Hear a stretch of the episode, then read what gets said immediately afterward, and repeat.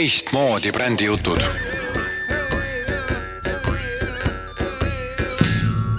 ja tere kuulama, täna ma tahaksin rääkida Leninist, nimelt sinu Leninist, milline on sinu Lenin. ja kohe räägime selle teema natuke laiemalt lahti. tegemist on ikonograafiaga. ikonograafia on maailmas väga laialt levinud asi, laialt levinud äh,, kuidas ma ütlen, mingi vool ja nimetame siinkohal siis kunstivool. nimelt igasugused religioonid, siin ristjusk ja buda ja, ja ma ei tea, ilmselt see islamiusk ja, ja mis usud veel kõik olemas on. samamoodi erinevad poliitilised režiimid on siis maailma ajaloos läbi aegade loonud ikoone ja neid ikoone siis reprodutseeritakse lõpmatu arv kordi. ehk siis ühte ja samasugust nägu või, või tegelast või inimest nagu hästi palju reprodutseeritakse. tänapäeval on ikonograafia võib-olla rohkem keskendunud mitte niivõrd ideoloogilistel teemadel, vaid, vaid äh, mm, kultus, kultus äh, siis nii-öelda näitlejatel, äh, kultusobjektidel, kultus mingisugustel karakteritel aga no ega ta suurt nagu vahet minu jaoks ei ole ja meie aspektist, mida me vaatame. et äh, tegemist on siis nii-öelda kujundiga, mida hästi palju äh, näit-, reprodutseeritakse, kantakse, näidatakse ja mis alati nagu tähendab mingisugust asja. nüüd Lenini kuju puhul võib-olla isegi jah, kas nüüd päris iga kord siis seda Lenini ideoloogiaga seda Lenini kuju sarnast sa, samastatakse, vot seda ma ei tea, see oleks huvitav teada saada. igal juhul äh, on Lenini kuju siis ikonograafiline ja, ja täpselt samamoodi nagu Jeesus ja siin veel mingisugused tegelased, keda, keda teatakse ja, ja keda hästi palju joonistatakse, maalitakse, modelleeritakse, tehakse skulptuure ja ma ei tea, nii edasi. ja omakorda siis neid maale, neid skulptuure omakorda pildistatakse ja neid pilte omakorda veel nagu näidatakse ja, ja prinditakse, nii et sihuke võimas teema, võimas teema. Che Guevara näiteks ka et väga huvitav oleks teada, et kontrolli ennast äh, noh, kui sa kuulad praegult seda, siis ära, ära mine guugeldama, aga lihtsalt mõtle, kes oli Che Guevara, aga kui sa mõtled selle kuju peale, see baretis selline äh, tegelaskuju on ju. keda sageli särkide peale ja lippude peale ja igale poole nii-öelda šabloonidega lastakse vahepeal kusagile sein-, seinte peale, et ta midagi nagu tähendab, ta tähendab midagi jah. eks nad iko-, ikoonid muidu ajas muutuvad ka, aga nii, täna ei, ei tahtnud ma mitte rääkida sellest äh, nii-öelda ikoonist, vaid, vaid kõige põhilisem laks, millest ma tahtsin rääkida, oli ikkagi see iseenda Lenini leidmine. et milline see, milline see iga inimese Lenin on ja et keskendume nagu praegu Leninil lihtsalt, mitte et mul Lenin mingi kõige vihatum või kõige lemmikum, me oleme neutraalsed. Nõukogude ajal oli kunstnikel ainus viis ellu jääda, nii-öelda teha seda, mida siis nomenklatuur, mida siis Nõukogude võim tahtis. ja loomulikult pidid kunstnikud lõpmatul arvul reprodutseerima Leninit. küll oli Lenini kuju vaja, küll oli Lenini pilti vaja küll oli maali vaja, küll oli ma ei tea, illustratsiooni vaja, nii et siis Leninit on väga palju modelleeritud ja joonistatud. üks maailma üsna sihuke läbi joonistatud ja modelleeritud meestest on siis Lenin. ja nüüd, kui, kuigi ütleme, Nõukogude võim, lähme korraks sinna Nõukogude võimu sellesse nii-öelda ideoloogiasse, võib-olla siin natuke sarna, saab sarnasust tuua ka või ristiusuga, aga samas Jeesuse, Jeesuse puhul ilmselt on see ka see, see ühiskondlik arvamus, sellepärast et Jeesusest ei ole ju ühtegi sellist konkreetset pilti ei ole, et noh, et keegi oleks nagu pildistanud siis Jeesust on ju. no see selleks, see, see pole praegu tähtis.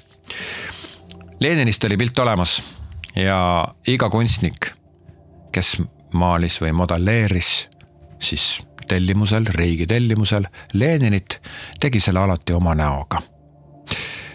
pidime minema nüüd siis selle Nõukogude korra sisse, et tegelikult Lenini kui ütleme Jeesust kuidagi teistmoodi teha, siis no see on, ütleme tänases võtmes, ma ei, ma ei tea tõesti mingeid keskaegseid ja muid võtmed, aga kui, kui Jeesust võib-olla kuidagi valesti või noh, teistmoodi teha.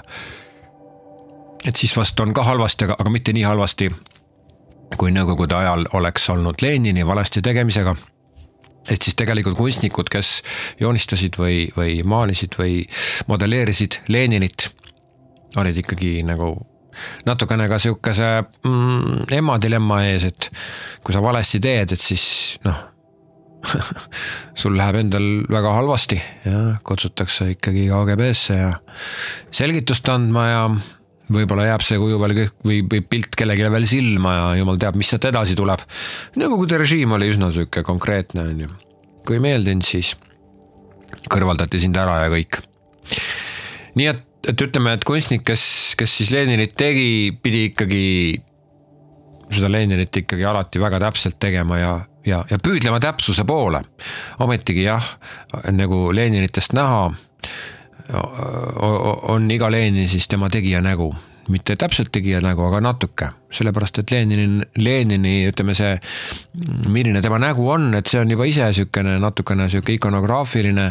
mul on siin Leninid ees lahti, kõik see sihuke kitse habe ja sihuke suur laup ja kõik see iseloomulik noh, iseloomulik näoasetus, aga jah, ometigi on, on siin nagu näha, et, et, et Lenini, kui ma siit vaatan ka nagu Google'ist vaatan erinevaid Lenineid, siis jah, on tõesti näha, mismoodi sellele Leninile oma, omistatakse nii palju erinevaid karaktereid. küll on ta nagu noh, natukene sihuke mongoliidne, eks ta natuke oli ka, siis on ta korraga natukene soome-ugrilik. no sihuke pehmo, siis korraga saab temast siis sihukene saksapärane Lenin nagu mingi saksa teadlane oleks ja korraga saab temast keegi teine. siis ma leidsin ühe toreda pildi, kus on äh, Lenin ja Lincoln kahekesi kõnnivad ja nende vahel nagu väike laps hoiab mõlemal käest kinni siis Mikki Hiir.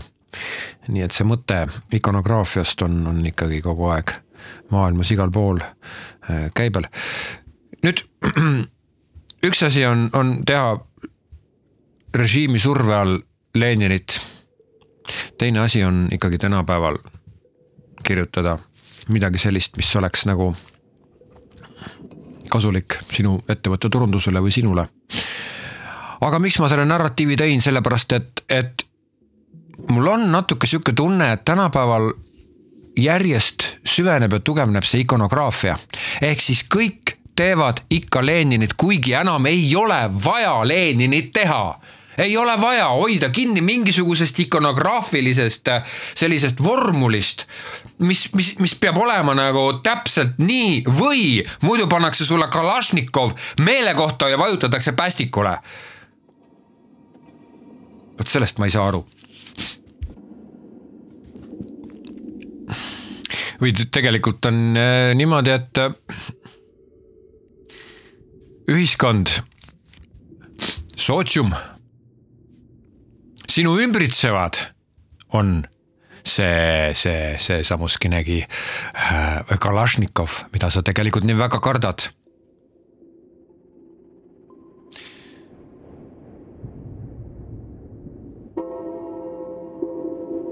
sõltumata sellest, et pidi tegema ühesugust Leninit, siis ometigi oli Lenin alati pisut erineva näoga. ja, ja kui saada teada see artist, mis artist, skulptor, kunstnik, kes seda Leninit tegi, siis sealt leiab ülesse ka selle mm, nii-öelda omapära selles Leninis või selle põhjuse, miks see Lenin just niimoodi välja nägi, ehk siis inimese personaalsus. ja inimese personaalsus äh, väljendub tema loomingus. ja, ja nii muusika, pildid, isegi fotograafia kui ka mm, kõik muud asjad, mida vähegi luua saab, ka kirjutised, ka kõige tuimem ja nõmedam sisuturundussaade, ka kõige igavam ja mõttetum sisuturundusartikkel, mis kirjutatakse ainult siis, kui hoolsad silmad leiavad, et tõesti siin on kõik tooteargumendid mainitud. ka kõige mõttetum reklaamlugu, reklaamiklipp, reklaami äh, mingisugune nad, nad kõik on ju looming. Nad kõik ju, nad kõik ju peavad andma edasi mingisugust emotsiooni, nad pea, nad kõik peavad ju nii-öelda emotsionaalselt käsitlema seda teemat. Aga nüüd noh, seoses selle masinate tõusuga, arvutite tõusuga, siis jah, kõike saab teha nagu hästi emotsioonitult ja kiretult täpselt, siis noh, see on loomulikult vahva võimalus ja, ja ma ei, ei kiida ega ei laida maha. aga jällegi kangesti kipub sinnapoole minema, et, et, et inimesed unustavad ära oma isiksuse. ma ikkagi kutsun ülesse leidma oma Lenin leia üles oma Lenin milline, milline oleks sinu Lenin? nüüd sa lähed Google'isse ja hakkad otsima, ei, ei, ei mitte seda. see on kujund, mõtte, mõttekujund, kõnekujund. milline on see sinu stiil?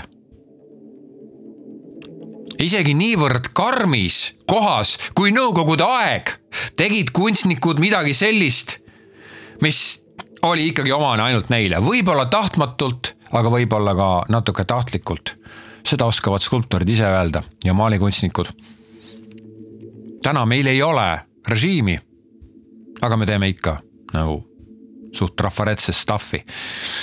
reklaamitekstide puhul ja sisuturundustekstide puhul ja sisutekstide puhul on näiteks see, et mitte, mitte siis artikkel ei ole mingisuguse, ma ei tea, nõukogudeaegse seaduse või, või Rahva Hääle artikli moodi, vaid, vaid see sõna ehit-, sõnaasetus, sõnaehitus ja see on, on hästi nagu levinud, kuuldud äh, nii-öelda trafaretse moe järgi alati sätitud täpselt ühesuguseks. ja kasutatakse hästi turvalisi ja tuntuid elemente, samamoodi on näiteks muusika loomisel.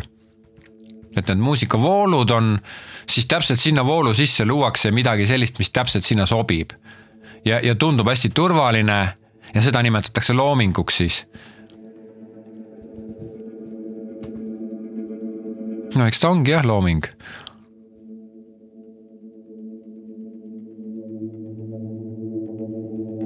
ma käisin lapse esimesel, lasteaia esimesel, ma ei tea, arenguvestlus või mis see oli. ja siis noh käisime koos naisega seal. lasteaiakasvataja loomulikult tegi seda, mida ta pidi tegema ja, ja no noh, see ühe asjana siis nagu näidati ette lapsevanematele, mismoodi laps on siis arenenud ja, ja, ja üks, üks asi oli siis see, et näed, ja siin on see paberitükk, mida ta siis suutis, suutis käristada, ehk siis seal oli sihuke A4, mis oli keskelt pooleks käristatud ja see see, see oli siis see, et näed, ta suutis suhteliselt sirgelt seda käristada. ja see nagu mind, mind sellel hetkel viis nagu täiesti endast välja, eks ole, laps juba ammu joonistab mingeid, ma ei tea, imaginaarseid maailmu ja, ja. samas teda testitakse ikka, et kas ta suudab paberit sirgelt käristada, absoluutne jabur, eks ole, ühiskond hästi palju surub ja sunnib meile peale seda ühtemoodi mõtlemist, eks ole. lastele lasteaias antakse šabloonid, värvimisraamatud, et sa jumala eest ise joonistaks, ära nüüd ise küll joonistama hakka, võta ikka mingisugune sihuke ikoonikene ette ja tee seda, on see siis Barbi, on see siis Mickey Hiir, on see see siis minu-sinu poniprintsess äh, või, või siis mingisugune äh, auto, multikaauto, eks ole, noh, et jumala eest, ära, ära ise mõtle. aga ometigi täiskasvanud inimestena ka sina, kes sa vahel kirjutad võib-olla mingisuguseid sisutekste või, või teed pilte või ükstapuha mida, et siis alati sa pead lähtuma kahest asjast selle jaoks, et leida oma Leninit esimene asi on see, et tunne Leninit. see on kujund jah. mis, mis iganes ajal seda episoodi kuulatakse, jumal teab, mis käilakujud siis on, kui seda epi-, võib-olla seda, võib-olla seda episoodi kuulatakse näiteks saja aasta pärast, palun, täpselt sama lugu. samasugused käilakujud või mingisugused meetodid, kuidas mingisugust asja tehakse. õpi tundma seda Leninit. Õpi tundma, õpi, õpi seda nagu modelleerima, õpi seda maalima. ega see, et sa omamoodi kirjutad, ei tähenda seda, et sa võiksid nagu kui sihuke hästi Leninit teha, et sa võiksid siis midagi muud teha kui Lenin sa pead seda oskama teha, aga punkt number kaks, õpi tundma ennast. kus on see sinu väljenduslaad ja see on vahest palju keerulisem kui selle Lenini tegemine, sellepärast et Leninist olid tollel hetkel olemas fotod ja kümned ja kümned ja sajad maalid ja skulp-, skulptuurid aga sinust, kullakene, skulptuuri ega maali ei ole. ei ole olemas. ja sina ise pead tegema iseendast skulptuuri.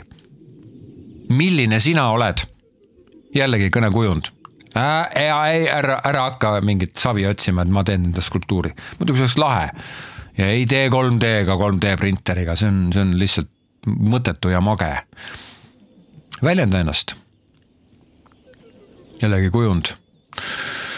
milline on sinu kirjutamise stiil ja selle jaoks, et kirjutada seda nii-öelda mingisugust sellist nii-öelda äh, sisuturundusteksti, mis, mis nüüd ei oleks mingi väga veider noh Murakami tekst umbes, see Jaapani kirjanik, eks ole, et see kirjutamislaad ongi teistsugune, et sa ikka kirjutaksid selles samas laadis, ehk siis teeksid ikka Leninit selle jaoks. et see tekst oleks ka nagu meeldejääv ja äge, siis sa pead sinna sisse ennast panema.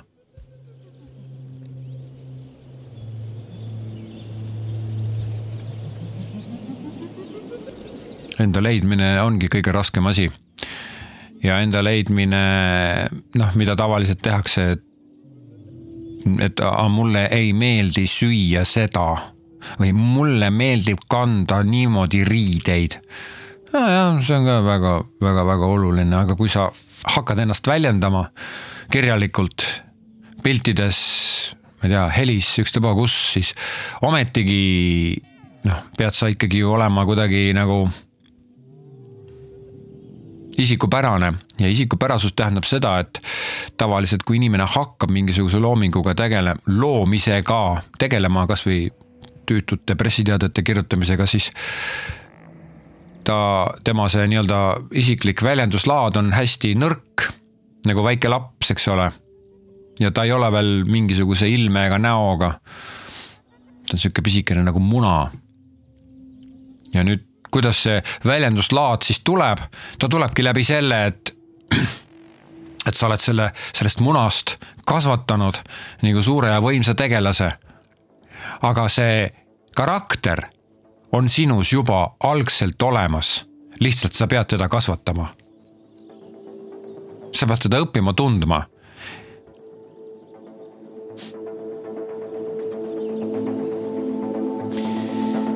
milline on sinu Lenin?